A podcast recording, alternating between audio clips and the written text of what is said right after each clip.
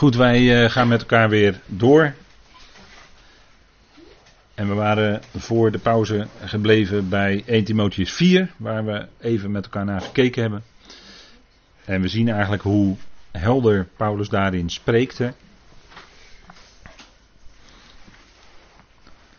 En we hebben het over dat de Heer Jezus dus als mens op aarde was. En wat Paulus daar dan van zegt in Filippenzen. Nou, hij zegt in Filippenzen dat de Heer in de gelijkenis van de mens geworden is. En ook hier moeten we dan letten op het woord gelijkenis. Dus hij was toch niet exact zo'n mens zoals wij zijn. En zoals al die anderen. Want, zoals we voor de pauze al hebben opgemerkt, is het dat hij natuurlijk door Heilige Geest verwekt werd bij Maria. De kracht van de Allerhoogste. Daardoor, hè. Dus dat maakt hem natuurlijk wel anders dan anderen. En we spreken dan wel over de vleeswording, de incarnatie, met een mooi Latijns woord, van de Heer Jezus Christus. De vleeswording van de Heer Jezus Christus. Dat wil zeggen, hij kwam inderdaad op aarde en hij was mens en hij kwam in een lichaam dat heel erg veel op het onze leek. In de gelijkenis van de mens geworden. Zo is het met hem gegaan. Hè? En we, we, merken op dus dat de schrift daarin heel nauwkeurig is. Want er wordt wel dan vaak gezegd dat hij echt mens was. En dan bedoelt men precies eender zoals wij, maar dat is niet zo. Maar hij was toch uniek. Want hij was zonder zonde. de, eh, alles om hem heen, dat lag wel onder de zonde. En hij kwam al die mensen tegen, waarin de zonde in het vlees werkt. En die er niet tegenop konden. En de wet maakte dat nog erger. Hij kwam te midden van zijn volk, hè, wat aan, aan wie de wet was gegeven. En we weten wat de schrift zegt over de wet. Dat de wet het erger maakt. De wet maakt van de zonde een overtreding. Ja, zelfs een krenking. En de wet, die is erbij gekomen, zegt Paulus, opdat, staat er hè, opdat dat is echt met een bepaalde bedoeling. Dat woord wat gebruikt wordt in het Grieks, dat is ons woordje opdat. En dat is dus met een bepaalde bedoeling. Die wet was erbij gekomen opdat de overtreding zou toenemen, zegt Paulus in Romeinen 5. En dat gebeurde dus prompt, want men kon de wet niet houden, maar dat wist God van tevoren wel. Wat dacht u wat? Hij weet veel beter hoe wij in elkaar zitten dan wij dat zelf weten. Er staat toch in Psalm 139, u kent mij. Dus God kent je door en door. U kent mij. Hè? Dat kennen dat gaat heel ver hoor. Daar in Psalm 139 is onlangs als jaarthema geweest. Toen hebben we er ook heel uitvoerig bij stilgestaan. Hè? U kent mij. En u legt uw hand op mij. Hè? Dat, is, dat is geweldig. Dat de Heer eigenlijk vanaf het, vanaf, van, niet vanaf je geboorte, kom kom, voor je geboorte kende hij je al. dat staat ook in Psalm 139. He. Uw ogen zagen mijn embryo, staat er dan. Dat is wat. Dat is wat. Dat geldt niet alleen voor de Heer Jezus Christus. Maar dat, dat geldt voor u en voor mij ook hoor. Dat geldt voor ieder mens. Want God is veel en veel groter dan, dan wij vermoeden, dan wij denken. We hebben een bepaald idee over God, maar die is veel en veel groter. Uw ogen zagen mijn embryo. Hè? Psalm 139 gaat natuurlijk in de allereerste plaats over de Heer Jezus Christus, want alle psalmen gaan over hem. En dat is de eerste en de hoogste toepassing. En pas daarna komen wij in beeld. Pas daarna komt de mens in beeld. En als we nog verder willen rubriceren, dan wil ik ook nog wel zeggen: eerst Israël en dan de andere mensen in de psalmen. Dat wil ik dan ook nog wel aangeven.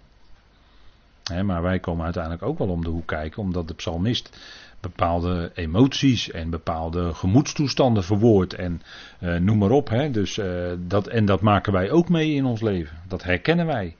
Daarom spreken de psalmen ons best wel aan. Maar als we gaan kijken van waar gaat het nou eigenlijk in de eerste plaats over, dan gaat het altijd in de eerste plaats over onze Heer. En pas daarna komen wij mensen in beeld. En dat, dat is, uh, ja, dan bent u misschien in, in uh, wat u weet van de psalmen niet zo gewend om er zo tegenaan te kijken. Maar ga die psalmen maar eens op die manier lezen. Die man in psalm 1 bijvoorbeeld, wie is die mens? Geplant aan waterstromen.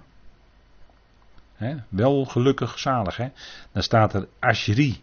Dat is een heel rijk woord in het Hebreeuws. Dat betekent niet alleen wel, maar ook gelukkig. En uh, er zit ook iets van redding in dus dat is een soort drietrapsraket zou je kunnen zeggen, zit in dat woord. Maar de, en, en de oude vertaling die vertaalt het dan met wel gelukzalig. Nou, dat is dan een woord wat wij eigenlijk niet meer kennen, niet meer gebruiken natuurlijk in ons dagelijks uh, taalgebruik. Maar dat omvat wel heel veel. De mens. En dan gaat het om de mens die niet zit in de kring van de spotters en die staat op de weg van de zondaar enzovoort. Wie kon dat zeggen van alle mensen? Alleen de Heer Jezus toch? die voldoet toch volkomen aan Psalm 1? Nou, dan heb je Psalm 1. Dan gaan we naar Psalm 2.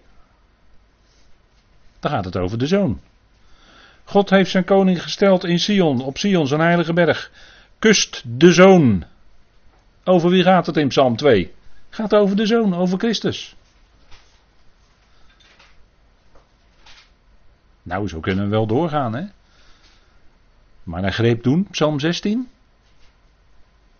Daar sprak David over de opstanding van Christus. Zegt Petrus hè, in Handelingen 2 in zijn toespraak, hè, daar staat dat allemaal. Psalm 16 gaat over de opstanding, de levendmaking van Christus hoor.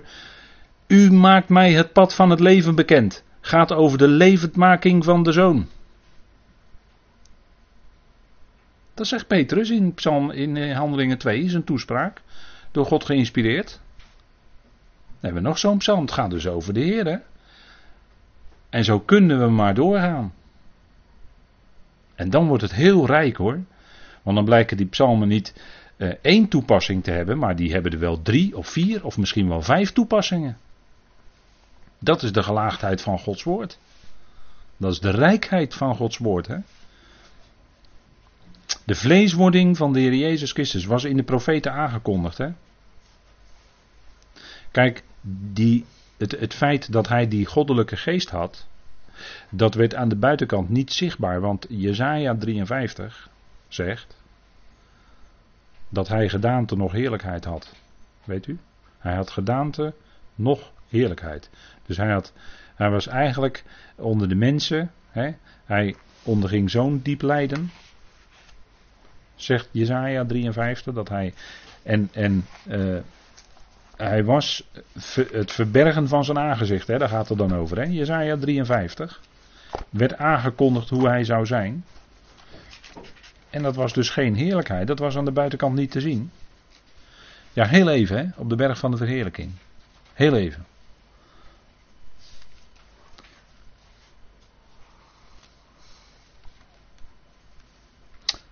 En er staat bijvoorbeeld in Jezaja 53 vers 7 toen betaling geëist werd, werd hij verdrukt.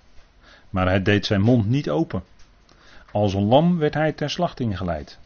Als een schaap dat stom is voor zijn scheerders, zo deed hij zijn mond niet open. Hij antwoordde niet, hè. Dat was een koninklijk zwijgen wat hij daar deed. Hij is uit de angst, ja dat woord angst staat er niet. er staat eigenlijk een ander woord wat te maken heeft ook met, met, met druk, benauwdheid. Hij is uit de misschien benauwdheid en uit het gericht weggenomen. En wie zal zijn leeftijd uitspreken? Hij is afgesneden uit het land van de levenden. Om, om de overtreding van mijn volk is de plaag op hem geweest. Maar hij heeft zijn graf bij de goddelozen gesteld. Hij is bij de rijken in zijn dood geweest, omdat hij geen onrecht gedaan heeft en geen bedrog in zijn mond is geweest. Zo was hij. Er was geen bedrog in zijn mond. Hij sprak dus niet met dubbele tong. Als u begrijpt wat ik daarmee bedoel. met, er was geen bedrog in zijn mond gevonden. dit is ook een tekst die door Petrus aangehaald wordt. En Petrus die had het meegemaakt, hoe hij was. Petrus had het meegemaakt. Die, die wist de waarheid van die woorden van Jezaja. Dat er, toen hij rondwandelde, de Heer Jezus, dat er geen bedrog in zijn mond werd gevonden. En dat, dat is ook een van de. Uh, dat, dat, is ook een van de punten die bij. Uh, ja, dat is misschien raar dat ik dan daar naartoe ga. Maar dat is ook bijvoorbeeld een, een van de punten die in 1 Timotheus 3 genoemd wordt bij de opzieners, weet u wel? De opzieners. Dat is eigenlijk hetzelfde. Hè? Die, uh, ja, kijk, de bedoeling is dat, dat God in ons werkt, dat die geest in ons werkt. En dat wij omgevormd worden, staat er dan in Romeinen 8, naar het beeld van de zoon. Dat wil dus zeggen dat, dat in ons leven als gelovigen iets van die kenmerken van de zoon zelf zichtbaar zouden worden. Wij worden omgevormd naar het beeld van de zoon. En zoals er in zijn mond geen bedrog werd gevonden, hè, dat het ook in ons zo zou zijn. Hè. Um, dat, dat lezen wij bijvoorbeeld in 1 Timotheus 3, waarin het gaat over opzieners. En dan is een van de punten die uh, genoemd wordt.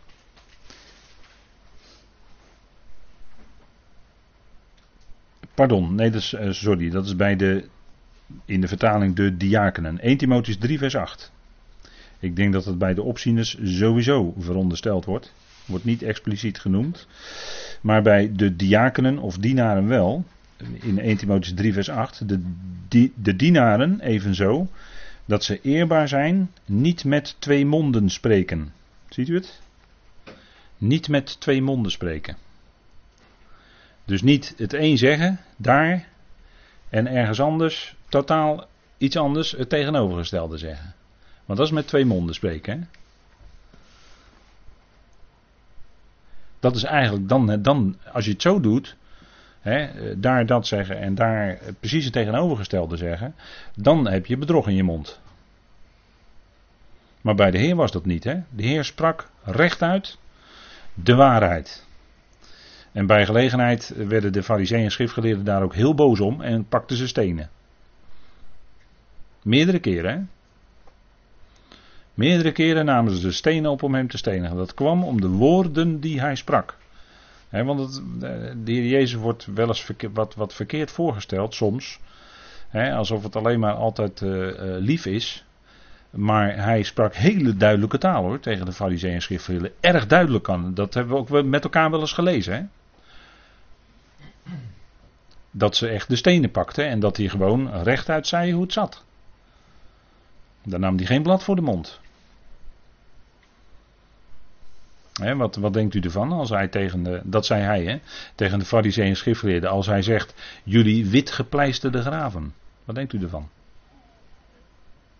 Dat zei hij hoor, dat zei hij. En het woord huigelaars eh, gebruikte die ook gewoon. Omdat het natuurlijk gewoon waar was, maar hij kon zeggen. In hem werd, in zijn mond werd geen bedrog gevonden. Hij wilde alleen spreken wat hij van vader hoorde. Hij wilde alleen dat woord van God spreken, rechtuit. Zonder bedrog. Onversneden, geen dubbele bodem. Niet woorden verdraaien, niet woorden weglaten, gewoon wat daar staat geschreven.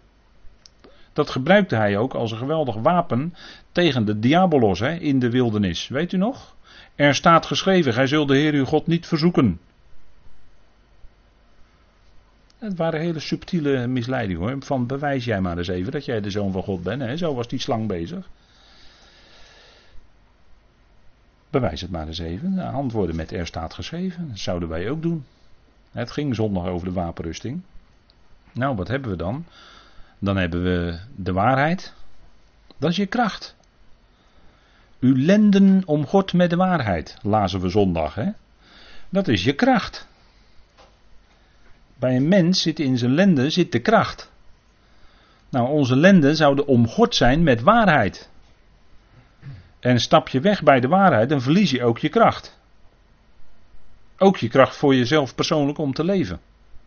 En ook kracht om de ander eventueel uh, van repliek te kunnen dienen. Nou, we zouden wel de waarheid kennen. Gewoon naspreken wat er staat geschreven. Dat is je kracht. Het woord is waar.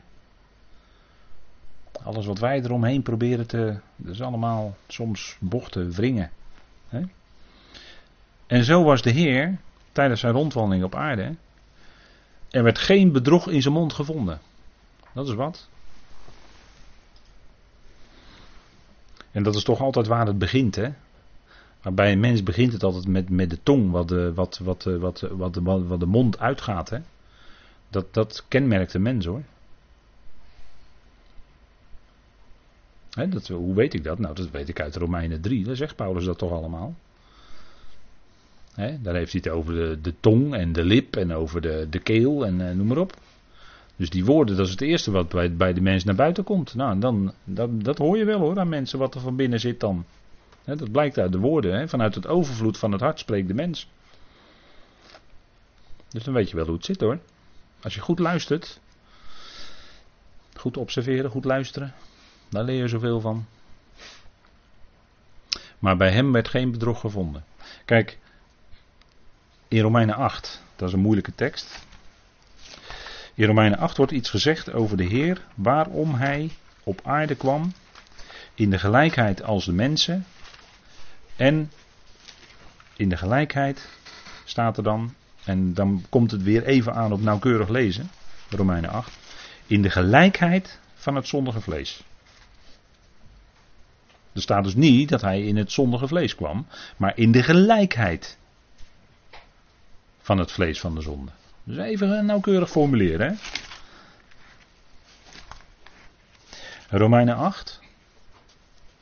Want kijk, die mens, die kon niet die zonde, nee, de, wet kon de zonde ook niet terugdringen. Dat zou je oppervlakkig gezien denken van wel. Van als je nou maar goede wetten geeft, dan wordt het allemaal teruggedrongen. Nou, in de praktijk wordt het dan erger.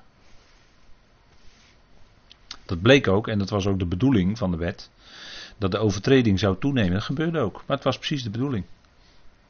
De wet werkt toren, de wet werkt verontwaardiging.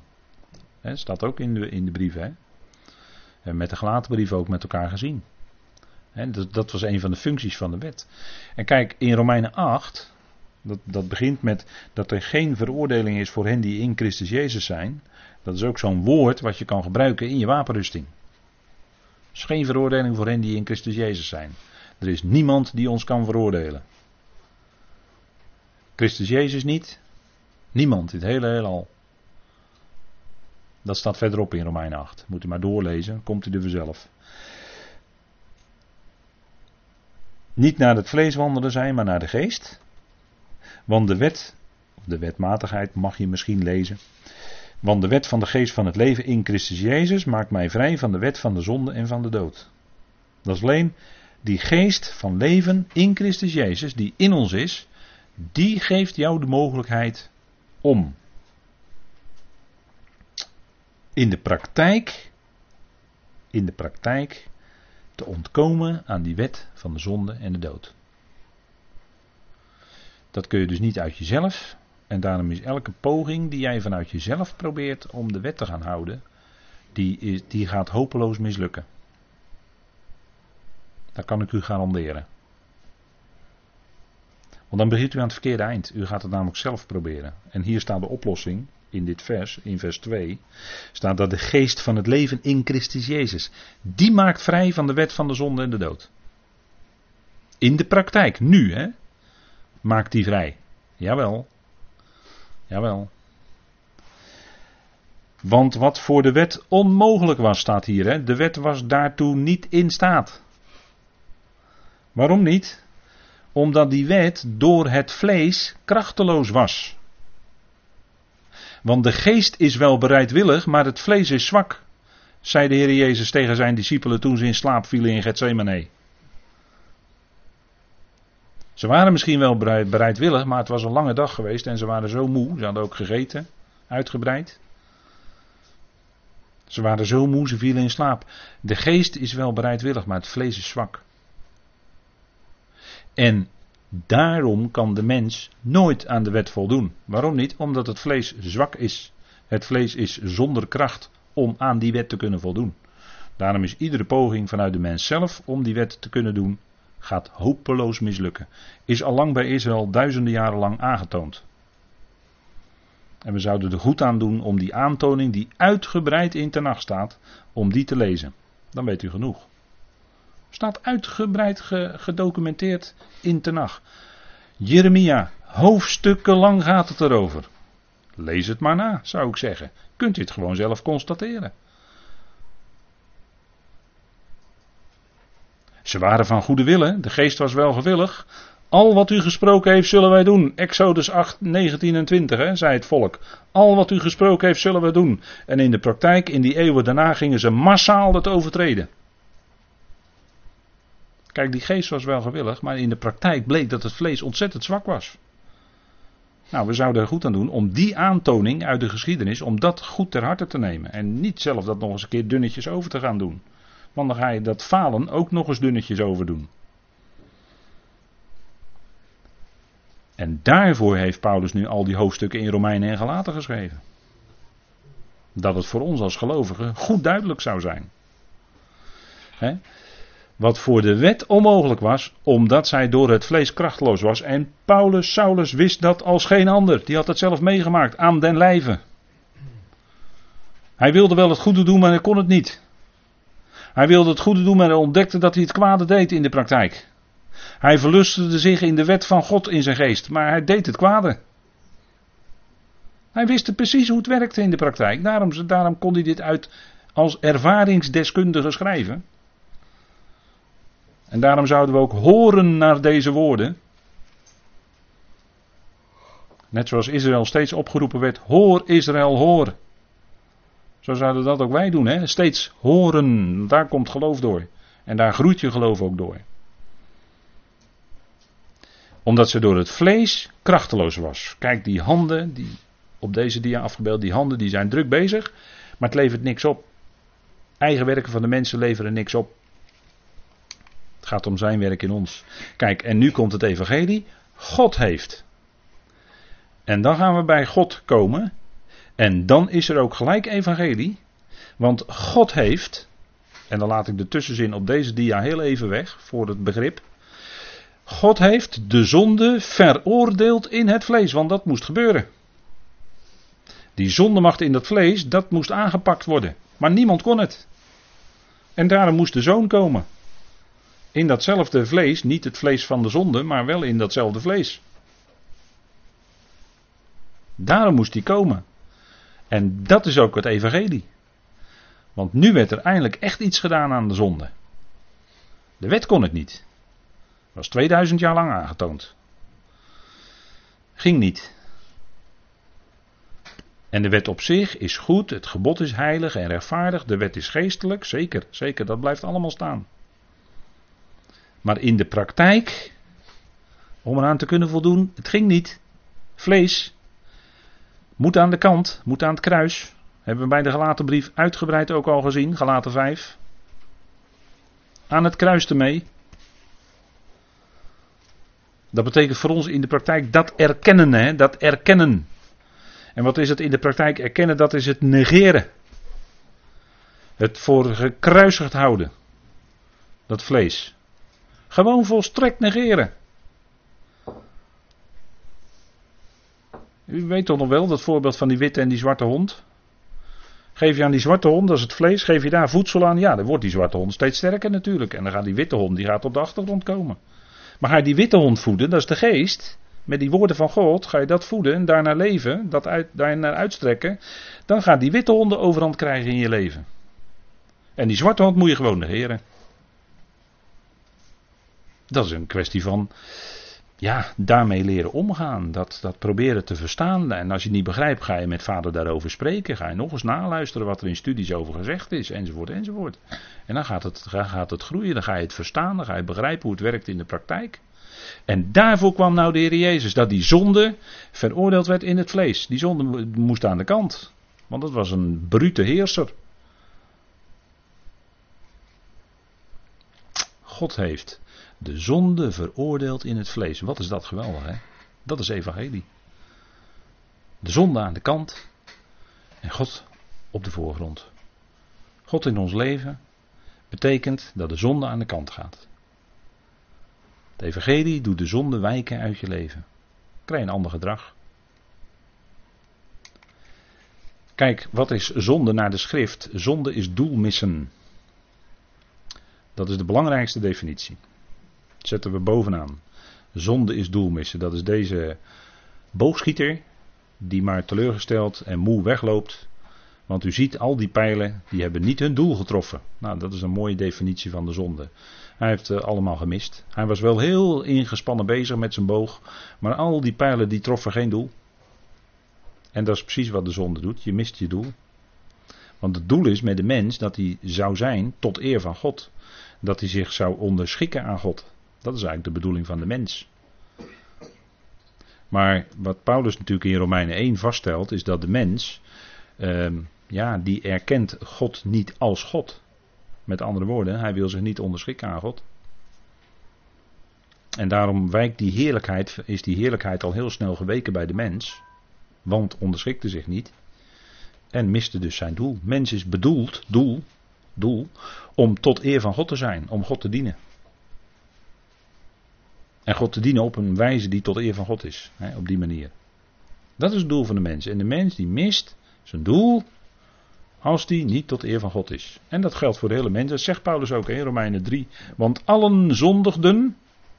En het volgende woord is. En missen de heerlijkheid van God. Ziet u het? Dus gelijk wordt het uitgelegd hè, wat zondigen is. Dat is missen. In Richter 20 vers 16 staat het ook. Dat is die, die strijd tussen Benjamin en Israël. Nadat er uh, iets verschrikkelijks gebeurd is. Komt daar de oorlog van. En dan uh, zijn er die velen. Uh, veel die konden dan goed met een wapen omgaan. En dan staat er zonder te missen. Maar dan staat er in het Hebreeuws precies hetzelfde woord als zondigen. Gata in het Hebreeuws. Gata. Dat is precies hetzelfde woord als zondigen. Wat vele, vele malen met zondigen is vertaald. Maar in Richter 20 vers 16 vertalen ze het met missen. En wat zou het duidelijk geweest zijn als ze daar ook hadden vertaald met zondigen. Want dan weet je precies wat zondigen is. Dat is je doel missen.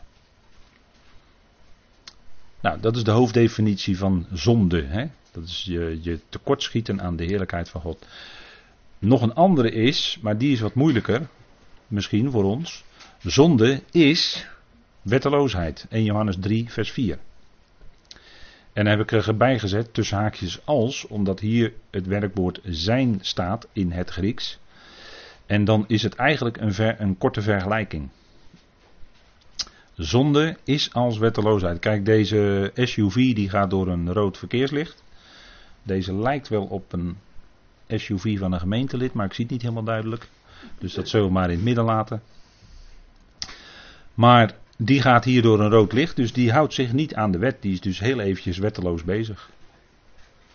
want uh, kijk, de, de, als het licht rood is, weet, uh, weet men over de hele wereld, dan moet je stoppen. Maar deze rijdt gewoon door en misschien wordt hij wel geflitst. En dan krijg je een boete van 280 euro. In Nederland.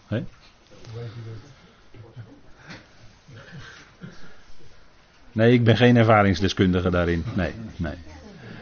Nee, gelukkig niet. Maar zonde is, tussen haakjes, als wetteloosheid. Hè? Dus dat is niet alleen gebonden aan de wet van Mozes. En dat denken sommigen wel, vanuit deze definitie, maar dat klopt niet. Zonde is op welk niveau dan ook en waar dan ook je niet conformeren aan wet of wetmatigheden. Of het nu de wet van Mozes is, of er al eerdere wetmatigheden zijn, wetmatigheden die God in de mens heeft gelegd, uh, wetmatigheden in de schepping. Elke afwijking daarvan is in feite zonde. Dus het is veel breder, veel groter dan alleen de wet van Mozes. En sommigen willen deze uitspraak versmallen tot de wet van Mozes. Maar dat kun je niet doen, want hier, dit is gewoon zonde is wetteloosheid. Anomia staat er dan in het Grieks. Geen wet betekent dat letterlijk. Dat is ook het kenmerk straks van de wetteloze. Die zal zich van geen enkele wet of wat dan ook aantrekken, maar zal volledig zijn eigen gang gaan. Trekt zich nergens wat van aan, geen enkele wet, niks staat daarboven. Is volledig wetteloos, vandaar dat hij ook genoemd wordt in 2 Thessalonicense 2, de wetteloze. Dat zal hem kenmerken.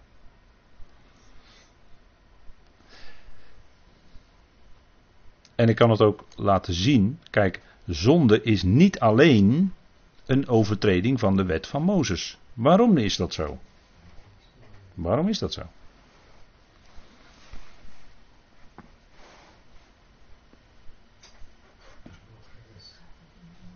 Waarom is dat zo? Zonde is niet alleen overtreding van de wet. En dan bedoel ik de wet van Mozes. Waarom is dat zo? Ja, Adam overtrad ook. U kunt dat zo laten zien in Romeinen 5. Staat dat.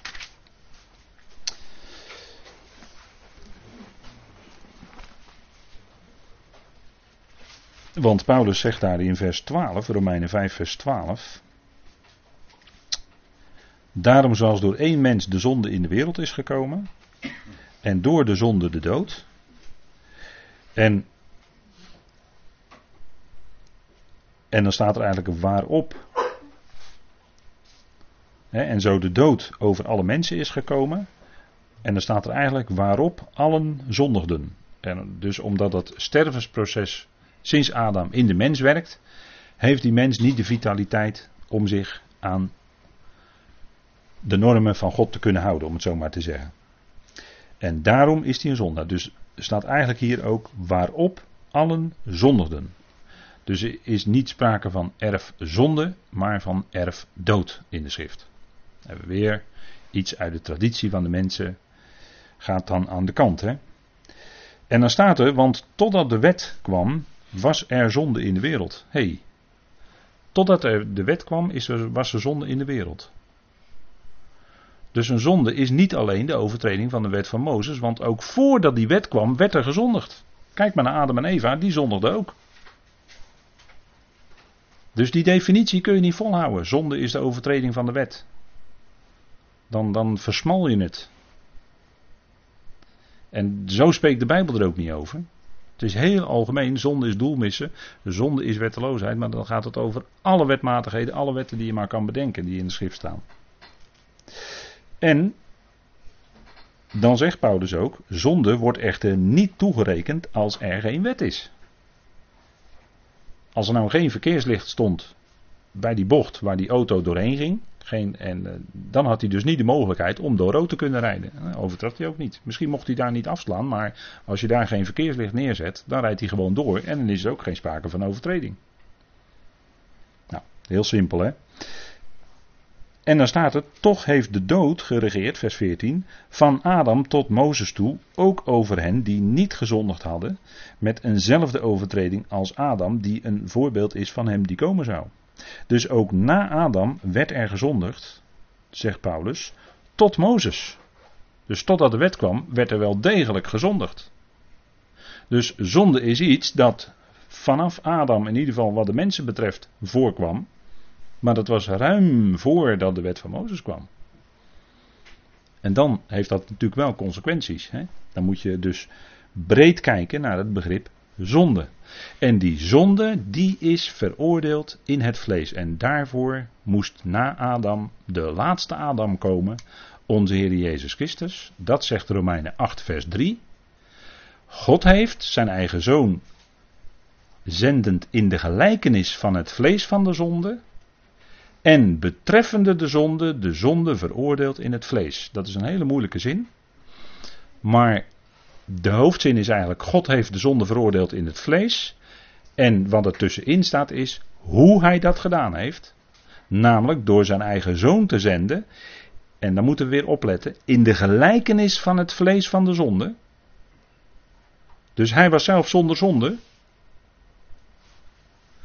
Alleen zoals hij was, was het voor de omstanders eigenlijk duidelijk. Hij leek net op al die anderen.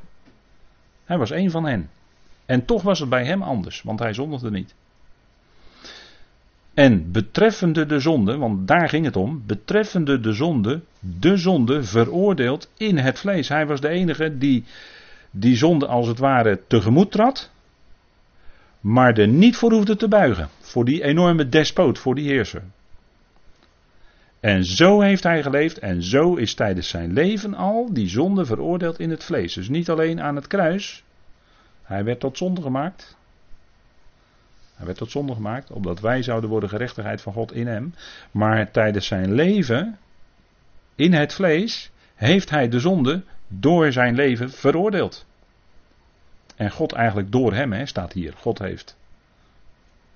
En dat is denk ik een hele duidelijke tekst waarin Paulus laat zien waarom hij moest komen. En waarom hij, zoals we nu in Filippenzen al wekenlang mee bezig zijn, waarom hij dus die hoge plaats verliet, de vorm van God, de gelijkenis van God, en mens is geworden. Daar gaan we, dan, dan hebben we nu gezien, als hele een van de hele belangrijke punten, dat die zonde veroordeeld werd in het vlees. Dus hij kwam daadwerkelijk inderdaad om die zonde volkomen te niet te doen. Dat moest weg, want dat was Gods plan. En dat was ook Gods liefde, want let op, kijk hier, er wordt gesproken over zijn eigen zoon. Hè? Let op hè, hoe dat er staat. Zijn eigen zoon. Vader en zoon, hè? dat is die relatie, dat, daar zit die enorme liefde ook in. Zijn eigen zoon. Net zoals Abraham zijn eigen zoon Jitschak op het hout bond. Zo heeft God zijn eigen zoon niet gespaard, zegt hij later in uh, dit hoofdstuk. maar hij heeft zijn eigen zoon gezonden in de gelijkenis van het vlees van de zonde. De vader is de zender en de zoon is de gezondere. Ziet u het? Weer zo'n tegenstelling, hè? Zo'n verschil. En dat heeft God gedaan. En dat is evangelie hoor. Dat is evangelie. Want dan gaat die zonde aan de kant en die zal eens aan het eind van de eonen ook definitief uit de schepping verdwijnen om nooit meer terug te keren. En dat is op basis van dit werk van de zoon. Dat is wat hè. Daarvoor is hij afgedaald vanuit die enorme hoogte, hoe hij was. En is hij gelijk aan ons mensen geworden. Zelfs in de gelijkheid. In de gelijkenis van het vlees van de zonde zelfs. Nou, dat is heel wat, hè. En als je dat beseft, hè, je laat het op je inwerken, dan word je daar stil van. Van zoveel liefde van God. Die hij had voor u en voor mij, voor die hele schepping. Dat zijn eigen zoon dat alles onderging. Dat is liefde. Dat is eigenlijk de oorsprong van alles wat God doet. Is zijn liefde. En dat is ook zijn doel. Dat iedereen ook die liefde van hem zal daadwerkelijk ervaren en daar helemaal mee vervuld zal zijn. Dat is fantastisch, hè? Nou, dat is Gods plan. Tot zover voor vanavond.